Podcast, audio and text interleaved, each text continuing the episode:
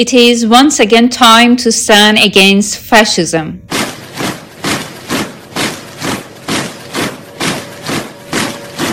Recent Russia's military aggression has created dreadful days for Ukrainian people and the whole world. People are witnessing the invasion of a European country by a great power for the first time since the Second World War. Hundreds from both sides, civilians or military forces, have been killed in the conflicts that we should call the Putin's war. Recent events have faced European leaders with darkest moments since 1945. World leaders need to realize that if they don't help Ukrainians today against Putin's fascism, tomorrow war will knock on their own doors. Where are artists, writers, and intellectuals standing in this situation? Up to this moment, recording this podcast episode, majority of the artists, writers, and left or right wing intellectuals have failed in the Ukraine crisis. They haven't done any anti-war activity for the lonely nation of Ukraine. We have to ask, why are you silent? Do you still think the world is vast? Do you think if there is a burning home somewhere in this world, it doesn't concern you? You can sit in your balcony and enjoy your silly petunias? Ignorance makes you a partner in crime. The scary paradox of war against Ukraine is that on one side, the existence of a nation is at stake, and on the other side, there is an insane tyrant. If this war proceeds as Putin wishes, it will be the victory of tyranny over a nation's existence and their right to live and their freedom of choice.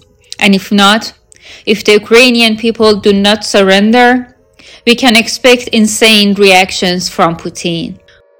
Once there is a bomb hole in a school's playground, the kids will ask, Has the world already forgotten the mistakes of the 21st century?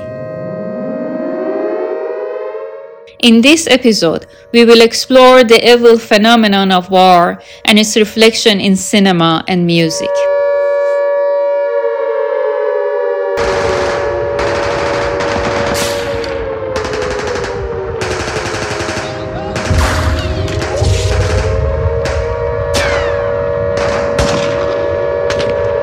Snakk ikke, ordene er barnløse, ikke komplette, se.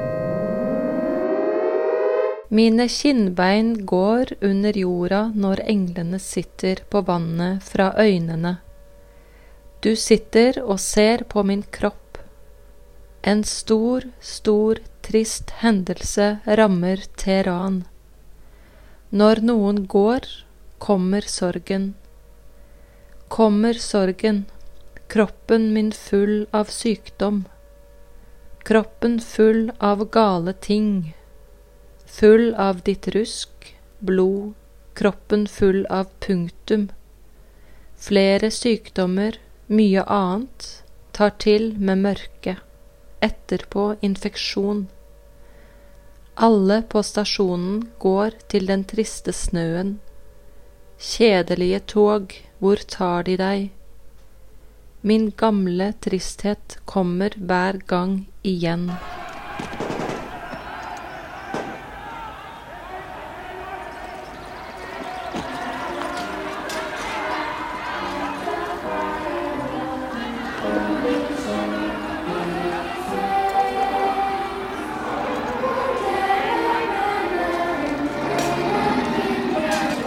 The anti-war art is a creative production by protest artists, writers, and social activists that can arouse the audience's emotions.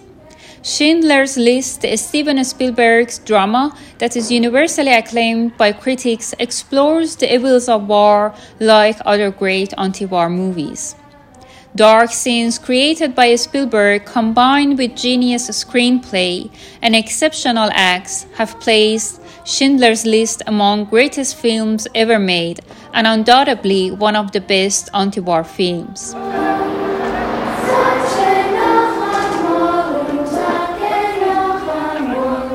The film is based on the non-fiction novel Schindler's Ark by Australian novelist Thomas Keneally. It follows Oskar Schindler, a German industrialist who is a member of the Nazi Party. Through bribing German armed forces and SS officials, Oskar acquires a factory hoping to make his own fortune. He hires a Jewish official with contacts among black marketeers and the Jewish business community. However, Schindler, witnessing a massacre of thousands of Jews by the SS in a concentration camp and in the streets, is profoundly affected. As time passes, Schindler's focus shifts from making money to trying to save as many Jewish refugees from the Holocaust as possible by employing them in his factories during World War II.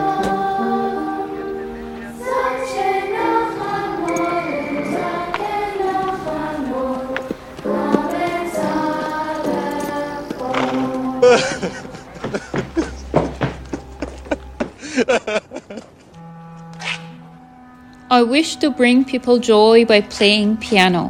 However, I experienced an unspeakable sorrow.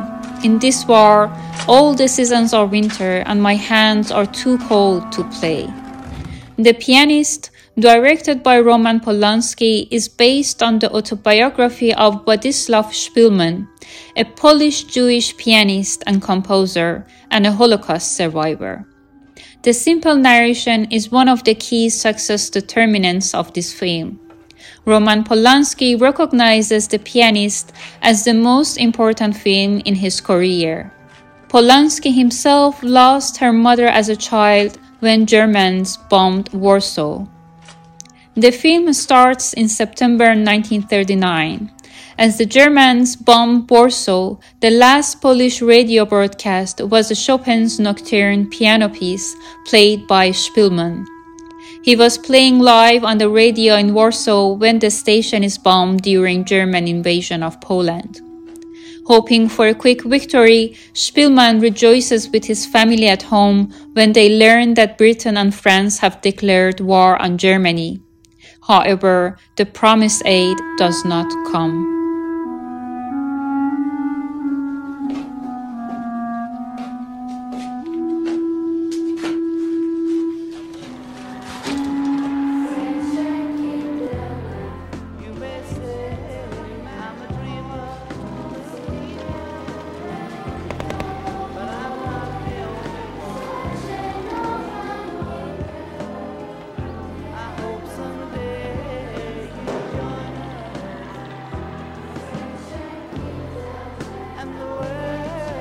War is the hell on earth.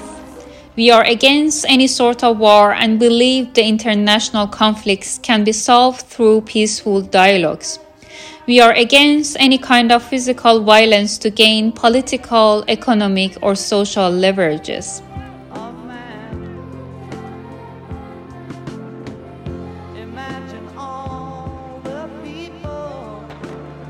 Any collection of anti war songs won't be complete without John Lennon songs such as Imagine or War is Over.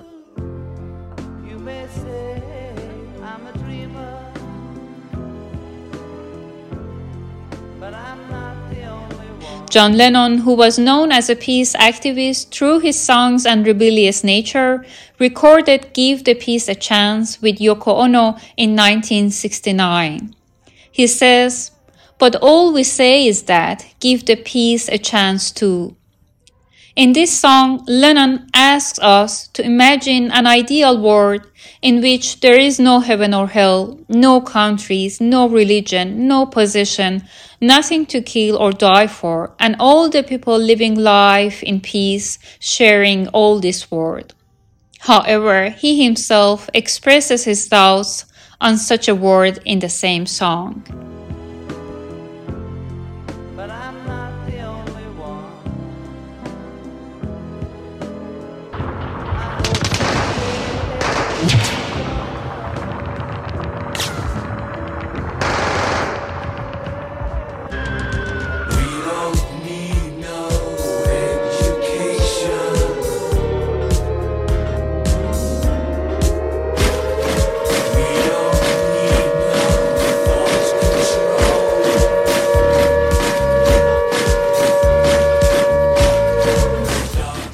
The wall is still high, and then, my friend, you say the world is not at the dusk of destruction. Did you see the frightened ones? Did you hear the falling bombs? Did you ever wonder why we had to run for shelter when the promise of a brave new world unfurled beneath a clear blue sky?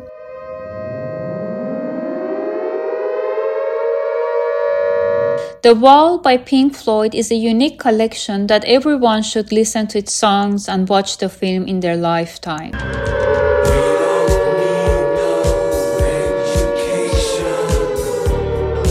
The anti war songs of the Wall album have created an exceptional season in the history of rock music, where the songs are combined with bullets whizzing through the air, bombers flying and bombs blasting for audience to imagine themselves in the middle of such events. However, maybe using the anti-war phrase is not very accurate in this case, rather opposing pro-war people as in his interviews, Roger Waters finds fighting against the fascism conquering the world and building extermination camps inevitable.